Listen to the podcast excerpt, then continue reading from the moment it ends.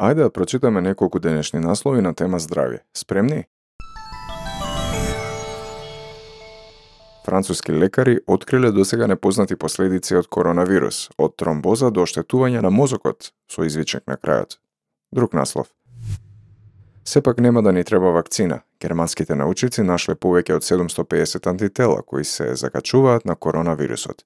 Еве уште еден наслов. Студија. Дебелината го зголемува ризикот од лечење со коронавирусот. И на крајот, мојот омилен наслов, прави чуда. Почнувајте го секој утро со оваа напивка и за 14 дена нема да имате ни грам сало на стомакот. Пак извичек на крајот. Што мислите? Дали ваквите наслови навистина нудат сериозни одговори за сериозните прашања кои ги обработуваат? Или пак не? Во ова епизода од Наука за сите подкастот, гостинка ни е Билјана Мојсовска. Таа е авторка и е дел од нашата иницијатива веќе подолго време. Инаку Биби е доцент по органска хемија и микробиологија на Универзитетот Роскилда во Данска. Со незиниот тим работи на синтеза на нови антибиотици. Вели дека се уште крши јазици со данскиот, а во слободно време ужива во сликарството и музиката. Биби раскажува како ги обучуваат нивните студенти критички да размислуваат, а потоа истите принципи на скептицизам, студиозност и предпазливост ги препорачуваме и на генералната публика преку разни примери и ситуации. Се надеваме дека ќе ви дадеме некои идеи како полесно да препознаете и демистифицирате наслови како оние предходно. Не верувајте во се што ќе прочитате. Нека биде мотото на оваа епизода од Наука за сите подкастот. Јас сум Атанас Кириаковски и се надевам ќе ви се допадне разговорот. Уживајте!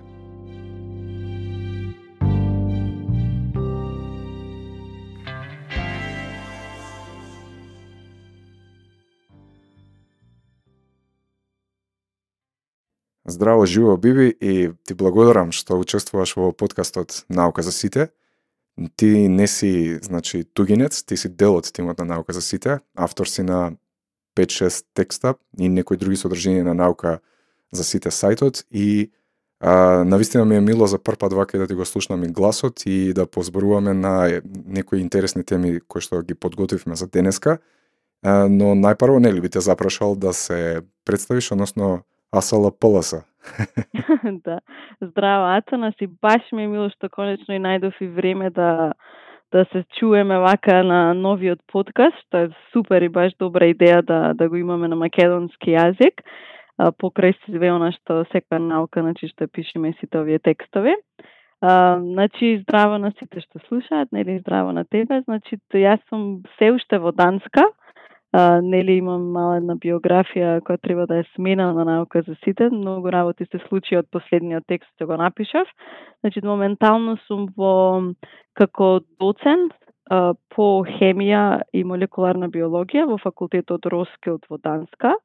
И тоа е истиот факултет каде што завршив дипломски, додипломски и пола од моите докторски студии потоа нели заминав на постдокторски студии во главната болница и центар за диагностика во Копенхаген и сега се вратив назад пак да истражувам, значи да работам како истражувач на антибиотици и и да работам во таа насока. Нема нема бегање од дрогата наречена академија. нема, нема. Баш мислам ова е сепак сепак во науката, значи, може човек да помине едно 10-20 години истражувајќи еден вид на еден тип на антибиотики, да биде успешен или да не биде успешен, затоа што значи има многу многу различни фактори кои кои даваат, кои играат многу добра улога во, во самиот процес на откривање на еден антибиотик. Да, да, да, да, да. Мислам и не само не само делот од хемиските и молекуларните науки и така натаму. А, мислам генерално науката како како активност е навистина заразна во суштина. да. Јас не познавам научник кој што еднаш ако се зарази нели со тој вирус тешко дека ќе се ќе се излече користиме терминологија во контекст на современата епидемија. да, нема вакцини против а, научни истражувања. Нема, да, една од Точно. добрите бенефити на тоа е што никогаш уствари не ти е досадно. Јас така. ја не знам што значи тоа да ти биде досадно луѓе така, кои да. кога кога ми кажуваат се досадувам, не знам што да правам, мене тоа јас не можам да го разберам тој момент, мислам, не, не сум да. го доживеал едноставно. Да, и баш баш сега, значи ние сме во Данска моментално 7 недели локдаун. а, нашиот исто значи институт и факултетот беше затворен. Сега од друга наредна недела почнува повеќе се отвора за за лабораториите да се отвараат, значи за некои истражувања. И седум недели, значи на почетокот сите она алармира, леле што ќе правиме седум недели затворени. Викам, леле таман, сега ќе имаме време, значи да да напишеме овие што се некои научни трудови. И баш за последниве, значи два месеци, два трудови истадов, значи од научни. И Е, баш браво, ако не беше честитам. локдаун, немаше да имам фала. Немаше да имам време Така да да, ги така, завршам, така? така. И има баш уште, значи викам локдаун до септември да сме сепак би она би имала работа за 2 Чекај, 4 дај Боже да да продолжи уште малку. да, да. Да, така си е, така си е. Да, едноставно м, а, толку многу материјали, толку многу интерес се јавува нели во текот на академскава работа што на вистина ова е на некој начин Нема крај. бенефит у суштина, нели да да имаш Да. повеќе време за или да не губиш време нели во транзит, додека патуваш вамо таму. Точно, точно, да, да, да. Едноставно да. саат време многу значи да се да се заштеди. Точно. И да. така, значи сега си во Данска и работиш како доцент, предаваш, истражуваш, Значи как фул фул тајм и и отпојке. Значи да предавам органска хемија на прва и втора година студенти, предавам синтеза на антибиотици на мастер, значи магистри студенти кои кои имаат запишано магистерски по по хемија и исто така предавам микробиологија на студенти кои кои прават проект во нашиот факултет. Значи тие мисел на како се тие тие мисле активности што што се дел значи од еден како се вика еден учење, значи, леле, значи на македонски образовниот процес, да. из- образов, образовански процес. Значи дури и со моите кои разговараме некоја англиска терминологија користам вике добро да беше Австралија, окей, ама Данска си. Е, да, смени да, нешто да. барем на дански, но малце е потешко, значи на англиски учам хемија и биологија уште од од средна од средна школа. Значи повеќе од 15 години. И многу е тешко значи кога користиш некој некоја терминологија, значи хемија или биологија, па ако ако нешто зезнам да не ми замери. Чекај, сакаш да кажеш дека предаваш на дански јазик? Ја Предавам малце на дански, значи тоа е на некои прашања некој ако имам имам многу дански значи студенти ако вршиме некои така сесии каде што треба да прашат нешто, можам да им одговорам на дански, но лекциите не се сите на англиски. Така, така, да, да, Факултетот да, е да. интернационален. Колку е различен Да. данскиот од а, англискиот? Никогаш не сум морател внимание. Многу и од македонскиот и англискиот, значи до на начинот на на изразување на некои работи стално виќе значи да земи еден врел или жежок компир, стај го во грлото и тогаш значи супер перфектно на ќе ќе ќе зборуваш дански. Или ако после две-три пива, данскиот ми е супер. И така се зезаме стално. Тежок, тежок јазик е се два јазици. Значи, еден е како го говориш, друг е како го пишуваш. Многу тежок. Да, многу ми се допаѓаат овие метафори, нели, исто ко Да. за кинескиот, нели, како да фрлиш тенџере по скали, зве. Е, така. Не, баш она, баш е така. Она, за нас е смешно, но таква е реалноста. Добро, после 14 години, сите во Данска, значи, очекуваат дека треба да го знам јазиков. Значи, тоа е перфектно. А, зборувам дански, значи неам гајле, но, но сепак би рекла дека е многу тежок. Како е, Јазик. е, кој јазик е најсличен од данскиот? Овие, не знам, Холандски скандинавски? јазик. Холандскиот, да? Да, Мгм, да, мгм. шведски, норвешки, тие се исто како кај нас во Балканот, македонски, бугарски, српски, нели? Мгм, Многу мгм. се слични, но холандскиот е многу многу близок јазик. Да, да, да, да, да. Да. да. Да, Да, да, значи тие да се вратиме назад, значи тие се тие се предметите кои ги предавам, а во мојата лабораторија значи имам тим од а, 3-4 студенти и со нив работам на различни, значи многу интерни, интердисциплинарност, голема интер, интердисциплинарност имаме во факултетов, што значи дека постојано имаме студенти кои не само учат хемија, туку учат а, заедно, значи паралелно молекуларна биологија и кога обработуваат еден проект, а, ги имаат овие два елементи. Значи, една проблематика ја обработуваат од два аспекти и на тој начин на тој начин добиваме нешто повеќе на крајот на крајот овој од тие проекти, на пример, антибиотиците како антибиотици, ако си чист хемичар и ако знаеш да направиш синтеза, сепак треба да знаеш зошто го правиш тој антибиотик, така, например, која бактерија би сакал селективно да ја да ја да ја таргетираш. Така, да, и на тој начин мора да знаеш малце микробиологија или малце повеќе, за да знаеш како да ја дизајнираш и каква синтеза да направиш на тој антибиотик. И баш овој факултет, од факултетот при Данска, кој има значи овај принцип на работа на на многу високо ниво и е многу поразлично од другите факултети во Данска. Да, та, та, да, да, паметно. Денеска, да, се е мултидисциплинарно, се е испреплетено, исповрзано и тешко е навистина да се одвои една, како се вика, неконтаминирана или независна дисциплина. И Точно. се, се е во тимот, нели, се е во тимската работа генерално во современата наука. Да, и сега дел од да. тие проекти што ги спомна е ги инволвирате студентите, тоест ги учите на критичко размислување преку нели изработка на одредени проекти. Така? Точно, да. Кажи да, ми нешто повеќе во врска со тоа како, мислам, кои се активностите, за какви mm -hmm. проекти станува збор и на кој начин студентите ги работат и што е всушност добивката од тоа, која е вредноста на истите? Да. Значи тоа е тоа е точно, значи во нашиот факултет секој студент уште од првиот семестар врши изработка, значи 50% од, од, од студирањето е пракса. Од, и таа пракса е изработка на еден проект. Значи се добиваат 60 кредити максимум од изработка на вакви проекти.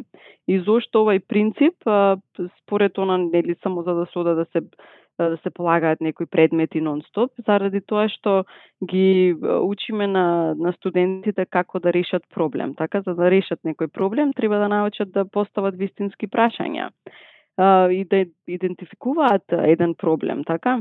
И на тој начин, значи, ова мора мора да се изработи добро, за да може да се постигне таквиот таквата цел на на такво критичко мислење, така? И сега во целиот процес на студентите ние правиме тимови од 5-6 студенти, да речеме, и кои одбираат еден професор на факултетот и со него работ, работат континуирано 2-3 месеци. Значи цел семестар. И таа изработка, значи постојано тие се во контакт и секој семестар студентите избираат тема на тема на, на изработка, дали сакаат да гледаат на некој проблем од страна на етика на пример, дали дали сакат да изработат филозофија на наука или дали сакат да видат како на пример се се прави се прават експерименти и како може да се направи хипотеза и како да се истражи таа хипотеза експериментално. И во тој процес, овој процес е многу добар за нив, затоа што не добиваме многу студенти кои уште од првата година знаат што сакат да бидат. И тоа значи на 18-19 години сепак е потешко да одлучиш дали сакаш да си хемичар, дали сакаш да си микробиолог или молекуларен биолог или генетичар.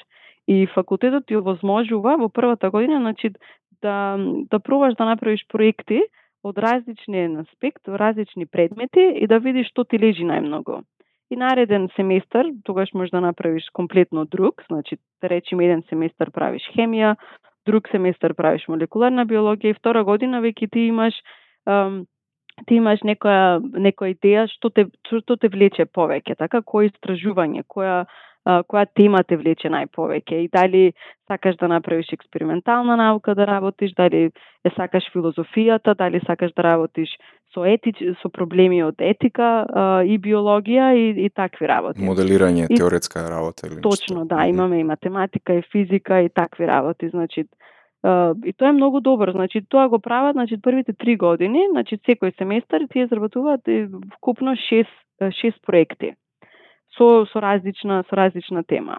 Е сега друг аспект зошто ова е многу битно за студентите е заради тоа што тие кога ги, ги тренираме студентите како да дојдат до едно прашање за некој проблем што сакат значи да најдат одговор.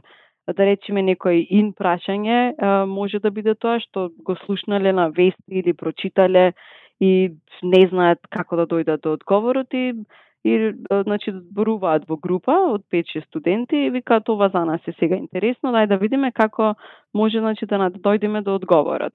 Ние како како нивни ментори ги учиме кои се кои се правилните начини или кој е правилниот начин за тие да го почнат нивното истражување.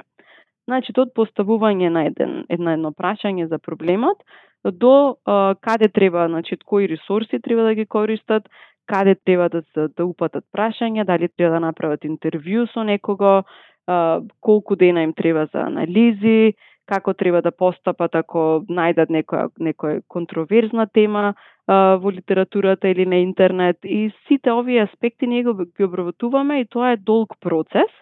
И значи за три месеци очекуваме дека на крај студентите научиле како треба значи да се да се пронајде одговор на едно прашање и кој е правилниот начин за да се дојде, значи како да се стигнат добри аргументи и на крајот тие го бранат овој проект и добиваат нели оценка и со тој степен значи тие стекнуваат едно знаење и одат на наредниот семестар и го користат ова за друг проект. Така, значи и создаваат се надоградуваат. основни научно-истражувачки вештини кои што подоцна ќе им користат во Точно. нивната кариера. Е сега, Точно, да. се започнува со она што го спомна на почетокот, со формулирањето на вистинското прашање.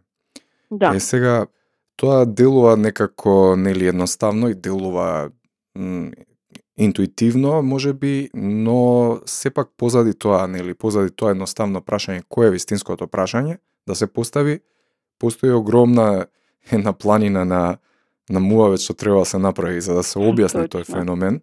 Значи, не можеш, мислам, човек без прво, без знаење, без когнитивни и перцептивни способности на селектирање на, на информации, не може да дојде до еден заклучок за тоа што е релевантно во случајов, нели? Сепак зборуваме за Да. некои работи кои што се релевантни за поставување на вистинското прашање. Е сега, во однос на, на, на, на тоа, ам, дали ги мотивирате студентите повеќе да размислуваат во насока на нешто апликативно, нешто што е конкретно и актуелно во моментот или ги размислувате, тоест или ги ги мотивирате да разми, размислуваат повеќе на некои си а, големи прашања во во светот на науката, нели? А, од типот на не знам како Да. настанал животот и така натаму. Значи Да. тоа се некои големи Да. радикални прашања кои што тешко се одговараат. Во која насока повеќе се- движите повеќе кон применета насока на актуелни проблеми или пак ги мотивирате и вашите студенти да размислуваат малку пошироко? Значи во секој семестар е, им даваме шанса тие да работат на различна, значи на различно ниво на проблематика.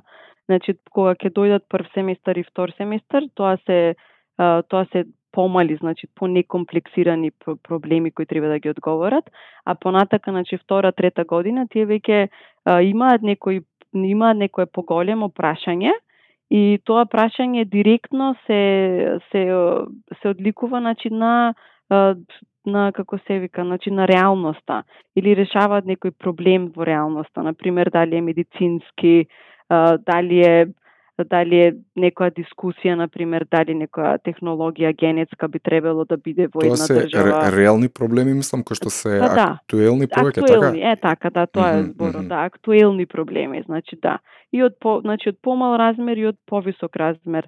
И затоа што нормално ако прашаш едно поголемо прашање, за да го одговориш, треба тие да да направат 5-6 саб прашања, значи тоа на помали прашања, кои треба да се одговорат индивидуално за да се дојде до евентуален одговор на тој покомплексен проблем или првото глобално прашање. Едно како како пример би ви дала на пример антиокс, антиоксиданти и здравието на човекот. Е сега ова е толку голема и контроверзна тема што значи човек може и докторска теза да напише, значи три години да истражува и пак да да нема баш буквален одговор дали Така, така. антиоксидантите Е, тоа се до- никогаш не го разбрав зошто зошто е контроверзно. Зошто една тема станува контроверзна, мислам. Тоа е Да, малце како се вика она што го викаат американците loaded, нели, Да. word, loaded concept. А да. Зошто е, барем барем во не знам, во моето гледиште онака во науката не постојат контроверзии, значи како што постојат контроверзии во јавноста. Точно. И веројатно тука главен главна променлива во случајов со контроверзиите е емотивната компонента на на сваќањето нели на одредена теза или одреден факт. И Да. во однос на тоа не знам, не, што мислиш, зошто темите стануваат контроверзни во суштина? Да, значи темите стануваат контроверзни затоа што имаме значи хетерогена популација во светот. И тоа значи значи има луѓе кои а, читаат новости она или headlines а, во списанија кои се секојдневни списанија или од помал размер некои други имаме од поголем размер, имаме научни факти кои се таму, значи заради тоа што еден човек како човек бара одговор на едно прашање во различни значи, ресурси и заради информативноста што ја земаме од тие различни ресурси, човекот како индивидуа оформува различен став за една за една тематика. И тука имаш контроверзија, значи овај рекол вака, тој рекол онака. Е сега за да се дојде до до како се вика до, до коренот на, на оваа проблематика, значи или на едно прашање, треба човек да помине, значи да или да посвети големо внимание или подолг период истражувајќи или на, или наоѓајќи го одговорот на тоа на тоа прашање. И тоа ова ретко се се применува кај повеќето од луѓето. Значи кај луѓето како човек, значи психологијата работи на принцип дека ние сме склони да најдеме решение на проблем и тоа сакаме да го добиеме на најлесен можен начин. Значи тука имаме прашање и ако некое списание или некој пост на Facebook и во пет реченици ни, ни го каже одговорот, ние тоа ќе бидеме срекни. Значи да. тоа е тоа е тенденцијата. Или, тоа или создава многу... одредена илузија дека дека да. се разбира тој проблем и дека е одговорен тој проблем. Значи да. се работи за еден вид на илузија дека нешто е одговорено, ако е тоа просто симплифицирано и нели ако, ако е напишано на начин кој што е разбирлив, но суштински ако размисли човек критички малку подлабоко ако навлезе да. во темата, тоа не значи дека тоа прашање, мислам, или тој одговор е на вистина одговор за некоја проблематика. Точно така. И тоа е, значи, ти оваа пракса на повеќето луѓе, значи, од мое искуство или од од се, значи, што што, што читам секојдневно, тоа е, значи, многу, многу погрешно. Погрешно погрешен начин на добивање на одговор на едно прашање, особено ако е некој од висок размер. И особено сега со COVID-19 ситуацијава, значи, многу има такви случаеви. И баш и баш баш значи интересно е дека со принципот ние кој го користиме да ги учиме на студентите како да како од едно обично прашање да дојдат до одговорот е баш што јас би препорачала на еден обичен човек да да напише, значи на или или да направи. Ако имаш ако има некој прашање за за нешто, значи не е доволно само да се прочита нешто на Facebook или само да се прати интервју на, на телевизија од еден човек. Многу е битно да се, да се слушнат повеќе страни на една тема. Значи, повеќе, да, да има, значи, ние како научници која ќе иставаме еден труд, научен труд, значи тој научен труд се работи прво долго време и после треба да помине едно минимум тројца, значи други научници од различен дел од светот, значи, и тие треба да да кажат дека овој труд е правилно направен, дека да дека резултатите се добри, дека статистиката е правилно направена и теж тогаш таа информација може да може да биде Uh, како се вика, значи публикована за некој друг да ја прочита. Објавена, да, значи, за објавена, да биде јавно така, достапна да. за другите, така. Е така, значи и тоа е многу различно од некоја информација што што чисто значи се се пишува секојдневно на Facebook, некој статус или или информација која може да се најде во многу списанија кои можат секојдневно да се купат на пример во трафиките и тие се и тие се напишани значи или преведени, а не се знае и од каде и кои се статистиките или кој рекол, како рекол, значи не се знае а, кој е како се вика изворот на таа информација. Така, во контекст на објавувањето на научната содржина mm -hmm. има контрола на квалитет во Точно, голема да. мера за разлика од таквите нели популарни да. жолти печати и така натаму. Да. Е сега една работа која што е многу битна, која што типично нели научниците и оние кои што критички размислуваат во однос на одредена содржина е проверката на оригиналните извори на информацијата. Често пати да. нели луѓе а, слушаат одредена теза или одредена а, за одреден проблем преку посредно, значи преку трети лица кои што а, некако го го интерпретираат проблемот и често пати нели го поставуваат погрешно или не го толкуваат правилно и таа информација едноставно подоцна си станува еден вид на расипан телефон нели Точно. тоа е цел, целиот тој процес а, синџир на на видоизменување на информацијата во текот на а, пренесувањето од една личност на друга личност и затоа на а, почетната информација или почетниот факт или почетната идеја и теза е толку из, видоизмената на крајот што на вистина нема некоја си поврзаност, релевантност во, во случајов и валидност. И затоа нели се, мислам дека ќе се сложиш едно од препораките кои што како научник и како критички е, човек кој што критички размислува е да се консултираат оригиналните извори на одредена информација. Точно, да, да, секако. И, и да се има во предвид дека значи списанијата списанијата и сите овие значи што сте кечи catchy titles нивната значи цел е да се продаде. На мора е да така да, да, да објават една содржина затоа што сакат тој тој списание да се продаде, така? Значи нема интересот не е дека дека сакаат некои такви списанија да да те едуцираат. А ако сакаш да се едуцираш, значи имаме има многу а, различни значи сајтови каде што стварно може човек да оди да, да, да научи нешто пред за да може да разбере една информација од еден научен труд. Значи кога разбираме за за луѓе кои не се научници, значи може може граѓанинот да биде истражувач ако ги воведи овие елементи, значи ако е ако знае дека за една информација која добива да да да, да мисли значи да биде скептичен. Да не земе значи секоја информација точна а, затоа што некој напишал така. Да знае од каде таа информација доаѓа и да провери од каде таа информација дошла така значи да дојде до до правилниот до првиот а, некој кој што кој што ја кој што го објавил ги објавил тие резултатите.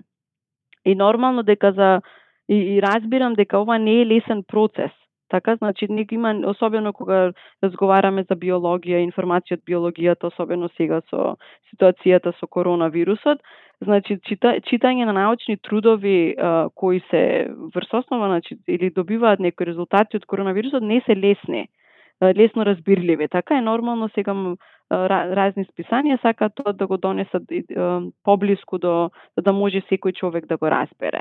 И тука како што кажа ти се губи значи некоја информација и тоа станува мисинформација, но човекот значи тоа ќе го смета дека така било, дека тоа е главната информација, дека тоа е пораката од тоа истражување, што не е така во секој случај.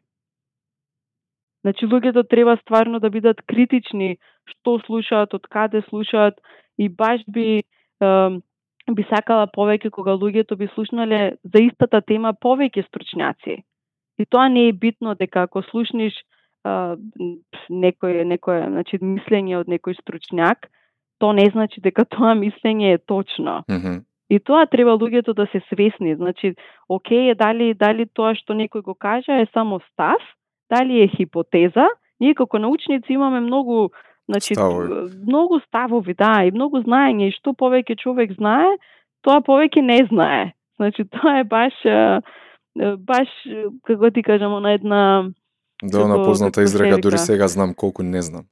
Е, така, баш, мислам, тоа е стварно, стварно точно. И, и тоа е заради, заради што секојдневно, например, имаме колеги кои работат различни други теми и ние сме во контакт со нив и разговараме на една тема од различни аспекти. Значи, хемичар има едно мислење, биолог друго, молекуларниот ќе додаде трето и тука гледаш дека дека нема еден ист одговор на едно прашање или пак и гледаш колку е колку е сложено сложен процесот за да дојди до нешто што е што е валидно.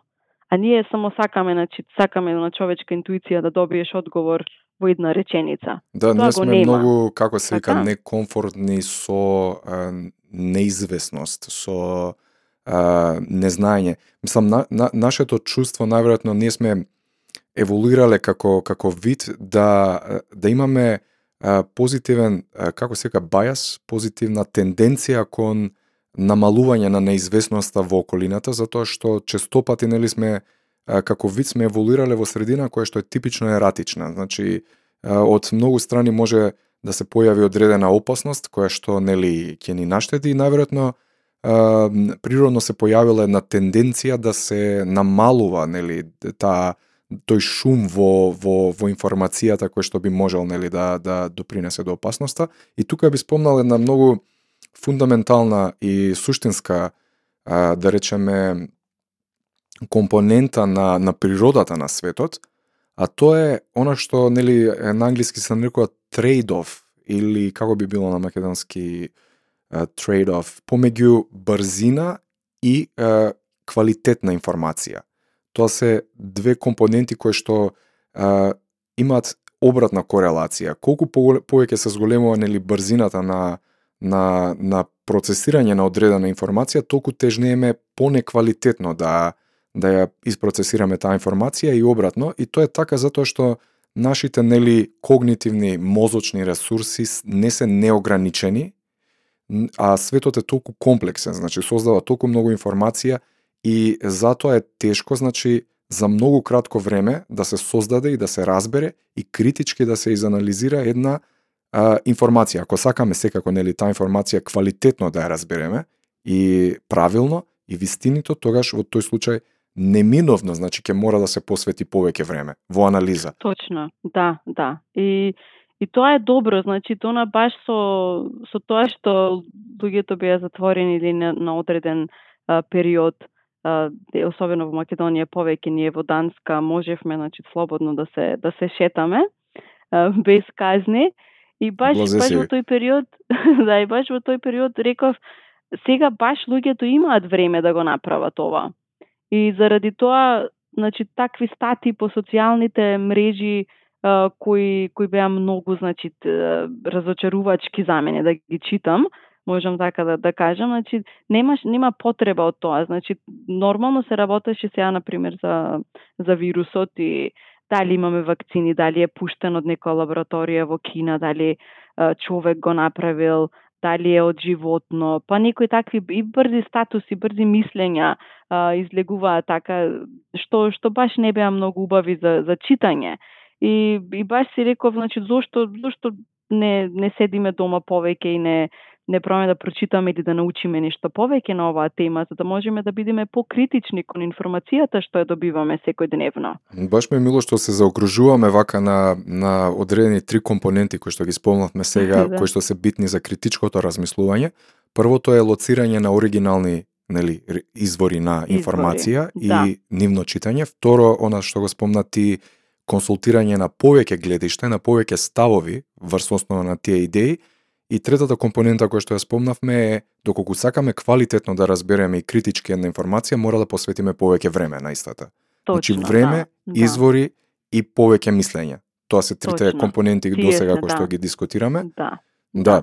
Е сега, а, значи това како се вика limitations, Ограничувањата. За, да, ограничувањата, врз, знаеме дека на македонски јазик, значи не е секоја информација која би излегла сега, која е ин, дека е одма преведена.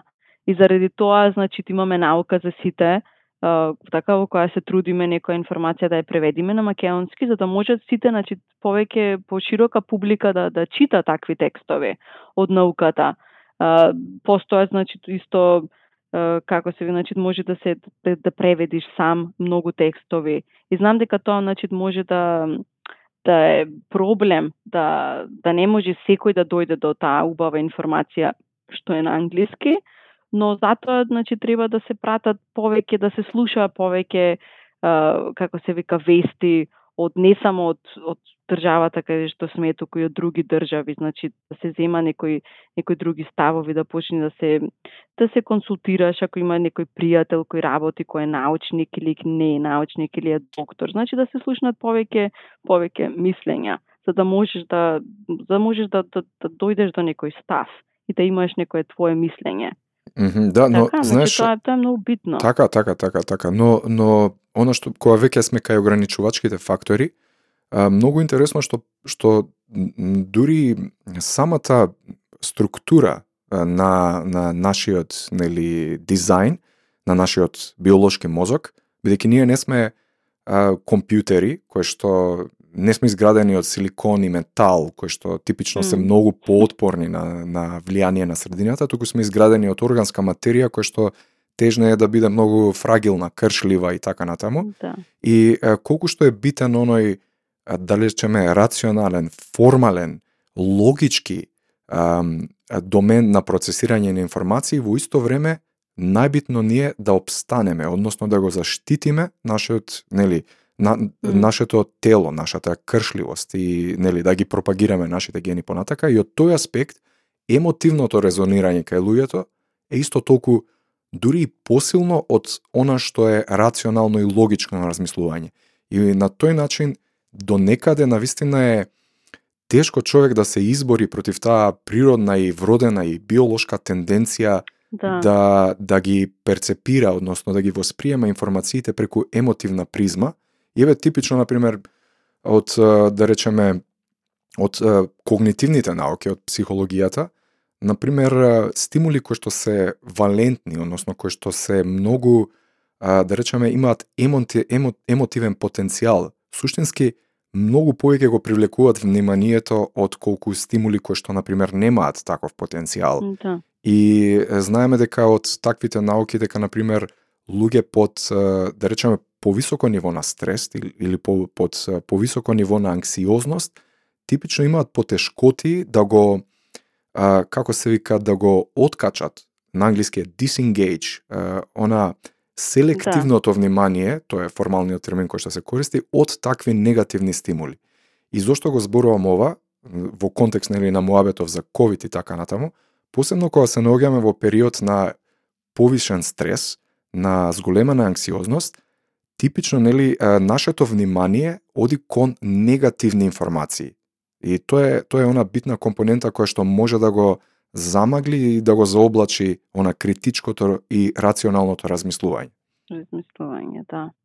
Да, бе, тоа е, да, тоа е на жалост тенденцијата и затоа е, затоа значи това начинот на како еден научник би размислувале размислували и цел период каде што ние ги спремаме студентиве на пример на факултет за да бидат такви граѓани, за да можат значи рационал, нерационално да размислуваат, да можат да да поминат преку нивната емо, тоа што значи емотивната свест ги тера значи на на каков став да заземат. И тоа исто, како се вика, значи тоа е три и после три години, па и магистри пет години. Значи, ја би рекла сега сум колку едно 15 години, 14 години како истражувач и се уште учиш а, на кој од кој аспект треба да треба да кој на кој начин треба значи да заземиш некој став или дали е тоа правилно или каде треба да си да си да, да имаш да бидеш скептик um, каде треба да читаш повеќе, каде не. Значи, нон-стоп се образуваш и тоа е тоа е процесот и ако и ако ние сме свесни дека нема период во животот каде што човек би бил специјалист за нешто, тогаш е полесно да прочитаме информација и полесно да сватиме информација и полесно да дискутираме на таа тема. Така, значи, јас јас би сакала луѓето да дискутираат на многу теми, а, но те, значи, за, за тоа да, да дојде човек треба многу да чита. Така? И Та, многу, значи, треба да прими многу голема информација. И да биде само И- критичен, да не да не влезе во онаа стапица на confirmation bias или Е, така, тенденција да, се да. потврдуваат веќе однапред априори створени страв- ставови. Да, да. Значи да биде отворен дека дека може значи тоа што мислел да не е точно на крајот читањето и и да и да се праша, значи да поставува нон-стоп во тој процес треба да поставуваме прашања. Зошто е вака? Зошто не? А добро сега кај треба да најдам одговорот. И ние значи тоа нон-стоп го работиме. На пример како што така- што кажа ти, значи никогаш не ни е досадно. Затоа што секој ден имаме повеќе прашања и вршиме значи истражување, го бараме одговорот. Дури дури И- се нервира да. што немаш време за за досада. На некој начин. Да. И баш и баш нешто што е што е најинтересно. Сите нели сакаме да да го знаеме одговорот, значи сакаме ако некој не праша за нешто да да го знаеме, да речеме да јас знам. И најтешко е да речиш не знам. Така, да тоа е да ти биде одговорен на прашање. И сега тоа е значи тоа не е најчест најчест одговор, но ја би рекла дека тоа е најчесто точен одговор на едно прашање. Да речеш не знам И тоа би било, значи, тако, ако некој значи, се дискутира на некоја тема, кажи не знам, и тоа би било баш супер старт. Значи, до, добар старт за, за да почнеш да анализираш, за да почнеш да, да најдеш одговор на ова прашање. Така и, и луѓето не треба да, да, да се плашат од тоа. И знам дека, на пример, студентите ние ги а, тие се баш мотивирани да да учат и да и, имаат голема слобода да речат не знам и ако не прашат нас како професори за некое прашање, ние значи слободно кажуваме не знам. Ке прашам некој колега или може ке ке спремам нешто од ова наред за наредно предавање. Да, апсолутно не е да страмота да се, да се Не е точно, така, да. да. Да, така, да. ова треба да се приктикува, значи, или во секој невието, или во, значи, не е подобро е да речеш не знам, затоа што тоаш веќе почваш да си во дел како граѓанин истражувач, него да знаеш све на почеток, затоа што тоа го нема. Значи не можеш све да знаеш. Точно, не, тоа е апсолутно, апсолутно. Знаеш, оно што го начна ти во однос на бизнис моделите кои што се развија во нистекот нели на годините, mm -hmm. повеќе промовираат нели она фаст фуд информации, повеќе промовираат нешто што што ги возбудува луѓето, нели, што едноставно привлекува внимание и повеќе се заинтересирани за дизајн на на, на, на, на околу формата на информациите отколку вистинитоста. Значи, вистинитоста оди во втор план.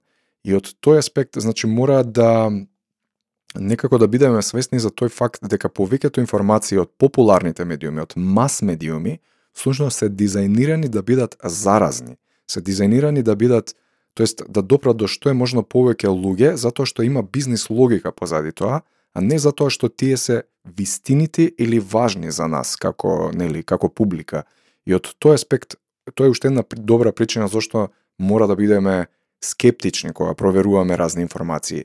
И мислам дека самиот дизајн на современата комуникација преку овие технолошки иновации како Facebook, Twitter, Instagram, еве самиот збор нели Instagram, значи нешто инстантно, нешто брзо да се да се види, да се доживе и така натаму, едноставно стимулираат ваков вид на интеракција. И каде што луѓето нели добиваат лајкови, добиваат поени, повеќе повеќе за досетки и повеќе за некои, не знам, такви е, смешки, отколку нели за некое си важно и објективно споделување на одредена информација. Што мислиш за лажните да. вести во контекст на Моаметов?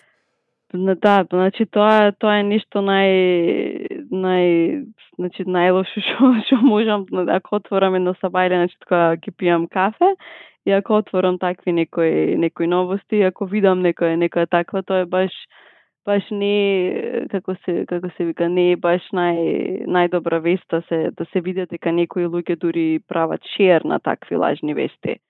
А, или се или значи во таков момент не се толку критични за да може да ги идентификуваат таквите лажни вести. Да, али опасноста значи, опасноста е во тоа што лажните вести имаат малициозна намера, така малициозна тенденција да. позади. Не не се тие не се само погрешни вести. Значи лажните па, точно, вести да. не се погрешни вести, туку да. имаат малку поинаква намена, суштина. Точно, да. И, и заради тоа, значи, човекот треба уште од самиот наслов на некој вести Да, да, да биде скептик. Така, значи, ако нешто е баш бум, и ако знаеш дека она треба баш да провериш дали е тоа така, треба тварно да, да поминиш сат време, два сати, за да видиш дали тоа е точно или не, дали тие биле точни вести или не. А не одма, значи, само ќе прочитаме, значи, две-три реченици, шеер и толку. И одиме на наредната лажна вест, на пример, што е. Тие се, значи, не знам, од моја, од моја гледна точка, значи, треба човек стварно да знае да, да процени од самиот наслов како првин и како второ да да, да види од кај се тие вести земени, значи да да види кој е изворот на таа на таа информација. Така да види каква валидност има таа информација. Тоа би било, мислам, тие би биле она чекорите за за како да да не да не бидеме она trapped во во тие лажни вести, така? -hmm. да не бидеме, да не направиме шеер без да знаеме што правиме шеер. И тоа е баш најмногу што што луѓето прават, ги прочитат негде од негде и одма на социјалните мрежи ги ја споделуваат таа информација и таа информација значи за многу брзо време станува информација која сите ќе ја видат. Mm -hmm. Токму Затоа што затоа го, го начнав наслов. оној емотивен муавец, нели, она емотивна компонента, затоа што типично споделување на, на, на добро дизајнирана таква вест, од која што има нели малициозна а, намера, е базирана врз а, неспособноста да се контролира емотивниот импулс.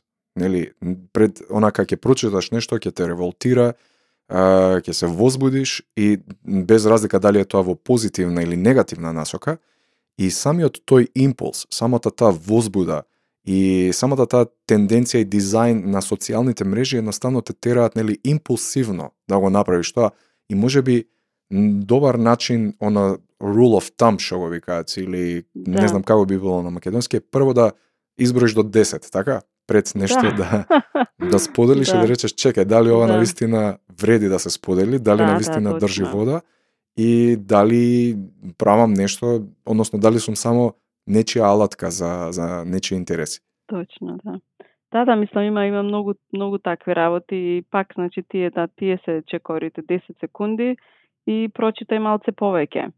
И знај дека за секоја информација да видиш дали е добра, дали не или дали биди критичен, значи ти има и критичен став, биди скептик, а, и потоа значи потроши малце време ако стварно е некоја тема што те интересира, тема што сакаш да имаш став за да напишеш некој пост на некој од социјалните мрежи, тогаш помини некое време, прочитај и напиши дали кои се кои се позитивните, кои се негативните страни, значи затоа што секогаш има две страни на една проблематика, така? Така, тоа Значи, сакав да го Не додадам. е се црно и бело, да. Точно, точно. И значи луѓето градат ставови и верувања кои што водат до одредени одредени однесувања и подоцна последица врз основа на на илузија на знаење, она што го Да. спомнавме претходно. Е сега Да. тоа што е тоа илузија на знаење? Тоа е кога мислиш дека нешто на вистина да. добро го знаеш и го познаваш, а ако земеш и свесно нели она се обидеш да го објасниш, да го образложиш, во суштина нема да можеш, затоа што илузијата в суштина не е знаење, тоа е само една Да, немаш состојба. доволно информации, така нема значи доволно информации за да можеш да да имаш свој став, за да делиш аргументи, треба да да имаш да имаш факти, значи тие твоите аргументи треба да се подкрепени од факти, така? И фактите и таа информација треба да ја добиеш И со способноста да ја објасниш Така. таа информација. Значи луѓе кои што Исто, да. можат ако ако исто е тоа едно добро правило да се примени покрај тоа нели да изброиш до 10, ако можеш во кратки црти на едноставен начин да си го објасниш и да го разбереш проблемот, кој што Мгм. нели а, ти го зема тој за внимание и интерес, тоа значи веројатно дека почнуваш да го разбираш и дека почнуваш критички да размислуваш. Ама ако се Точно. обидеш да го објасниш и гледаш дека не можеш, тогаш може би си во заблуда дека имаш познавање од темата. Да, и тогаш прочитај малце повеќе. Да, да, Тоа да. би било, тоа би било.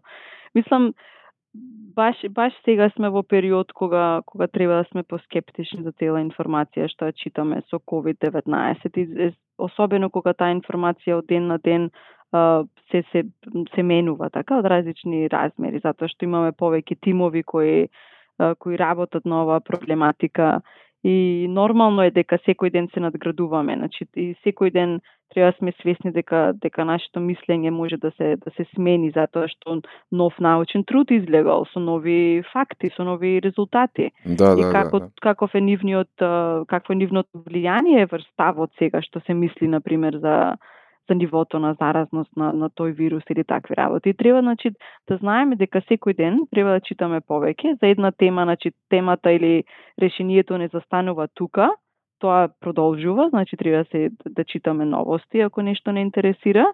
И на тој начин значи да да одредиме да одредиме дали таа информација е точна, дали не е точна.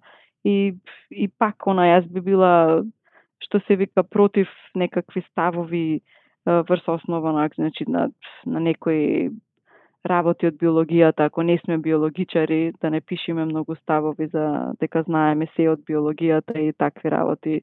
Би спомнала вакцини во овој контекст. Значи има многу многу луѓе кои кои во два дена се специјалисти по имунизација или вирологија или такви такви работи. Да, значи, експерти за се, да. Експерти за се, значи окей е да имаш мислење и окей е да дискутираш, но но мислам дека пак една нација е добра ако овие дискусии се на, повис, на повисоко ниво, на повисок степен. Um, особено, значи, револт се ми се сите тие статуси кога политиката ќе се донесе во, во едни такви коментари. Ево, значи, во Данска со целиот локдаун систем, не видов од ниеден колеги, ниеден пријател во Данска такви ста, ста, статуси да се напишат, значи политички. Да, да, тука, тука сме значи, би сакала да. стварно да луѓето да да да ги тргнат тие работи на страна. Значи, кога ќе дискутираме за една тема, да бидеме малце по ам, посмислени во, значи да мислиме повеќе на пред да напишиме нешта. Така, и посебно да со оглед на, на фактот што, на пример, од социјална психологија има еден добро познат uh, факт, Мислам дека е Јанис, се викаше еден истражувач некаде околу 80 80-тите, 82 трета, мислам дека ги пише овие работи, зборува за она што го нарекува group think или а, едноумие или како се вика групно размислување. Да. А, типично да. на пример што се наоѓа во социјална психологија дека а, ставовите на групата во просек се поекстремни од ставовите на секој поединец во таа група. Да. И да. тоа е една многу битна компонента во случајов. Ако нели живееме во свет на социјални мрежи кои што стимулираат групно размислување, може да очекуваме да има екстремни ставови и поголема поларизација врз основа на тие работи. И затоа е нели битно да се ова повторно ќе потенцираме да се со скепса, со критицизам да се прифаќаат информациите и да се резонира нели врз основа повеќе на факти отколку на емоции во случајов. Точно, да, точно. И да, значи тоа тоа стварно би било би било супер ако сите го практикуваме и, и би дискутирале, значи тоа би било би водело и до една добра дискусија. Јас би кажала дека да дискутираш е многу значи здрав процес.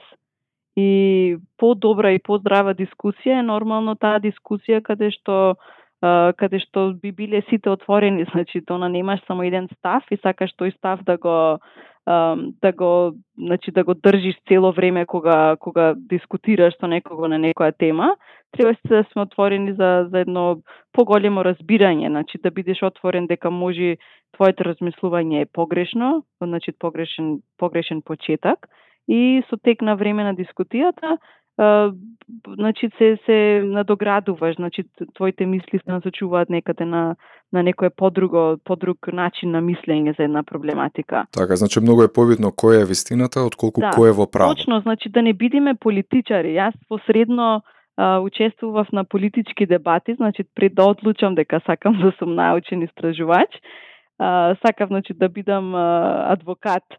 Но Но кога видов, значи, имав на Карл Попер а, дебата. Дебата, да, да. Таа дебата е, значи, буквално имаш една тематика и сега ти си или, или треба да си аргумент, значи, про или конс. Так, така, и треба так. да направиш случај и ако си на страната значи, на, на против, да речеме, некој случај, ти треба се да направиш за да, за да, го, за да го побиеш некој аргумент. Така, да, Карл Попер дебатата... Е... Да, да. Така? Карл Попер дебатата во суштина нема никаков однос кон вистината. Има однос е, во така, тоа да. кој ќе да кој ќе биде поубедлив, кој ќе победи во таа дебата. Точно, така. Mm -hmm. Е тоа тоа не треба да се практикува во секојдневието. Значи, значи баш обратно, како како истражувач, граѓанин, треба значи да си треба не само ако ако сакаш нешто да е вистинито, не треба да гледаш да бараш аргументи за да за да го направиш тоа нешто вистинито. Треба да да си отворен и да знаеш дека има и вистина и невистина во тоа. Така, значи и побитна да е она диалектика отколку дебата, значи да. често пати го користиме терминот дебата како да е нешто позитивно, но забораваме дека дебатата е повеќе надпревар помеѓу две партии, тоест две да. групи, но кој, кој што не всушност не ги интересира дали е нешто вистинето или не, туку повеќе се обидуваат да се убедат кој е во право под наводници, Точно, но затоа да. промовираме ве јас и ти и сите луѓе кои што работиме во таа насока, повеќе да размислуваме во форма на јавна диалектика во во форма на Точно, да. јавна дискусија со цел да дојдеме поблиску до вистинитоста на одредени факти, Е, да. отколку нели не е битно чија идејата или кој бил во право. Да. И значи и, то- и тоа мора мора да го мора да, да да тренираме тоа да го правиме, така? Да, да, тешко е, Значи, да. ние на факултет тренираме студенти, тоа е основата, тие се запишале на факултет за да добијат таа информација и се надеваме дека значи ќе бидат добри граѓани кои кои ова ќе го применуваат, а, но но секогаш значи кога разговарам со кој да било кој кој не е научник или кој не е студент а, во мојот факултет, а, им кажувам, значи да им потенцирам да го да го применуваат овај начин на размислување и на наоѓање на решение на еден проблем, значи или истражување, така? Уф, да, да, да, да, но навистина е тешко, нели, голем предизвик е. Знаеш, една Предизвик работа е, што да. имам забележано кај луѓе кои што немаат баш тренинг и образование во да речеме во статистика или во логика или во нели критичко размислување е што тежнеат ам, на пример факти за популации да ги сведуваат на индивидуи. Знаеш, знаеш у смисла као ти ти ќе кажеш, не знам, еве еве глуп факт од типот во просек мажите се повисоки од жените, така? И Мгм. сега некој ќе се избаци со со факт и ќе рече, ама јас знам една која што е повисока од мене. Да. Значи, да. не луѓето не не разбираат дека дека кога зборуваме повеќе во науката за за за факти, зборуваме повеќе на ниво на популации. Значи на ниво на на на просеци кои што секогаш имаат огромна варијабилност и типично луѓето размислуваат на тој начин кога ќе речат ама јас знам пример и то н- и веруваат дека со тоа побиваат одредено размислување и одреден факт, но тоа не тоа, тоа значи само дека разговараме на две различни нивоа. Ние разговараме на ниво на популација, а тие разговараат на ниво на индивидуа, што е нели погрешно еден вид на погрешно Да, и- разумирање. Да, и такви примери имаме толку многу од страна на медицинските истражувања, особено кога се работи за лекови, а, или, на пример, некои напитоци, значи, некои списанија како што се здравие, здрава храна, мој доктор, руски доктор, или кој да било, значи, имаш на две страни а, наслов дека не знам сега од памет нешто ќе кажам пи, чи, пи чај од нане а, и значи кажи му ча, чао на, на ракот. Така, тоа би Да, бил да. еден така наслов и сега сите ги читаат и од утре сите пиеме чај од нане. Е сега во тој значи мал расказ а, значи знам на една и помогна, на друга и помогна, значи буквално одиш на, на толку на неколку примери а, и наедна се ствара е ај да пробам сега и јас. И тогаш тоа е значи најлошото што човек може да го направи и тоа е баш баш го- голема значи како се вика, значи би- би многу голема критика од моја страна на таквите списанија, значи кои даваат такви информации. Затоа што на пример единствено тоа то да се направи, значи се се бара некој научно истражување каде што како што кажа ти, значи се зема во обзир повеќе луѓе. Значи 50.000, 100.000, 1000, зависи од какви студии и колку студии се направени. Тогаш се гледа дали во глобала стварно пиење чај има бенефици во третирање на некој одреден вид на рак. Така? Така. и кои се основните, кои се активните состојки, која е количината на тие состојки, значи да има ред ред под прашања кои кои треба да се одговори за да се дојде до ваков она кечи наслов. Така? Така, така. И, и тоа е работата што луѓето значи не треба сами на себе да пробуваат такви работи. Сега баш имавме пример со Трамп со пиење на дезинфектанти и такви работи. да, значи, да, да. Значи тоа е толку погрешно што што човек мислам дека треба стално да да го има онај да прашалник во главата кога кога некои такви работи ќе читаме. Така дека не треба да ги земеме здраво за готово. Особено кога е био за биологија или медицина. Апсолутно, се сложувам, да, и ако свртиме цел круг, нели 360 степени се вратиме на почетокот и речеме поставувањето на вистинското прашање е почетната точка од која што секој Да. мора да почне, значи типо прашање од типот на знаеш она кога ги прашуваат старите луѓе која е тајната на долговечноста, живот. на долгиот живот и, и па не знам, секој ден пиам Да. по една чашка ракија, мислам. Тоа се некој а, онака о, едноставно не може да држи вода затоа што комплексноста на животниот век на еден човек, нели, кој ќе внесеш тука во игра и неговата генетика, средината во која што живеел, Ве, да, социјалната да. интеракција, значи изложеноста на разни разни фактори е толку комплексен проблем што Да. навистина една чашка ракија е хомеопатија во суштина и Да, за, за, да, занемарлив да. факт. Така што Да, критиката е многу битна работа. И многу. кажи ми која е твојата порака, веќе зборуваме саат време, мислам дека помина Можеме и уште еден да, да Уф, да, зборуваме. да, да, да, али Баш. мислам дека Да. дека да дозираме, така да да си бидеме мераклиски да биде муабетот. Да. Е, мислам дека саат време супер ми помина овој пат и секако Да, тука нема секако. нема нема бегање, повторно ќе се вратиш, повторно ќе правиме Баш. муабет. Во локдаун си, Секако. не заборавај. Која е твојата да. порака на крај? Имам време. Имаш точно, точно. Имам време. Uh, мојата порака значи до сите што што не слушаат и би, би била дека значи здраво е да дискутирате, здраво е да делите аргументи кои се подкрепени од факти, кои значи за кои би би читале многу. Исто не плашете се да да речите не знам на некое прашање. Исто така, значи, потрудете се ако ве ако тоа прашање ве интересира да го дознаете одговорот, седејќи дома и, и, и читајки значи, на таа тематика подолго. Значи не само еден ден или еден сат, значи подолго. Направите еден мал проект. Ако ако ви е досадно, напишете едно прашање и потрудете се да за една недела, за две недели да да ги одговорите овие прашања. Тоа би било супер тренинг за за човек да види како како би можел да да биде истражувач, значи граѓанин истражувач. Не плате, не плашете се да бидите а, такви. Исто така, значи не верувајте на на сите дали без разлика дали се специјалисти или не, дека тоа што тие ќе го кажете вистинито, бидете значи скептични и спрема спрема таквите извори, спрема спрема секакви дискусии. Верувај верувајте си себе си дека вие стварно ако ако ако си дадете време, може да, да, да сте поблиску до тој одговор него ако слушните некој експерт за тоа. Значи, значи тоа бидете, како се вика, имајте доверба во себе дека би можели и вие да дојдете до таа информација и, и пробајте да размислите н- поинаку. Така, она, потрудете се. Значи, тоа што е потешко, пак ќе ве направи подобри и ќе ќе ви стимулира една едно друго и повисоко ниво на на размислување на одредена тема. Така, така, така. Така, Биби, фала ти многу, Така. стварно мислам супер ужива во разговорот. Баш и јас. да. Супер тема начна. Твоја беше Мгм. идејата за за дискусијава и мислам дека има уште многу работи да се кажат, но да, да, да, оставиме да, можеме, значи, да, да, да легне малку. до утре. Да, да, да, да. Така што Да. ќе ќе бидеме во контакт во секој случај и нормално кога сакаш повторно, кога имаш време, кога ќе си послободна, јави се да разговараме на многу други интересни теми.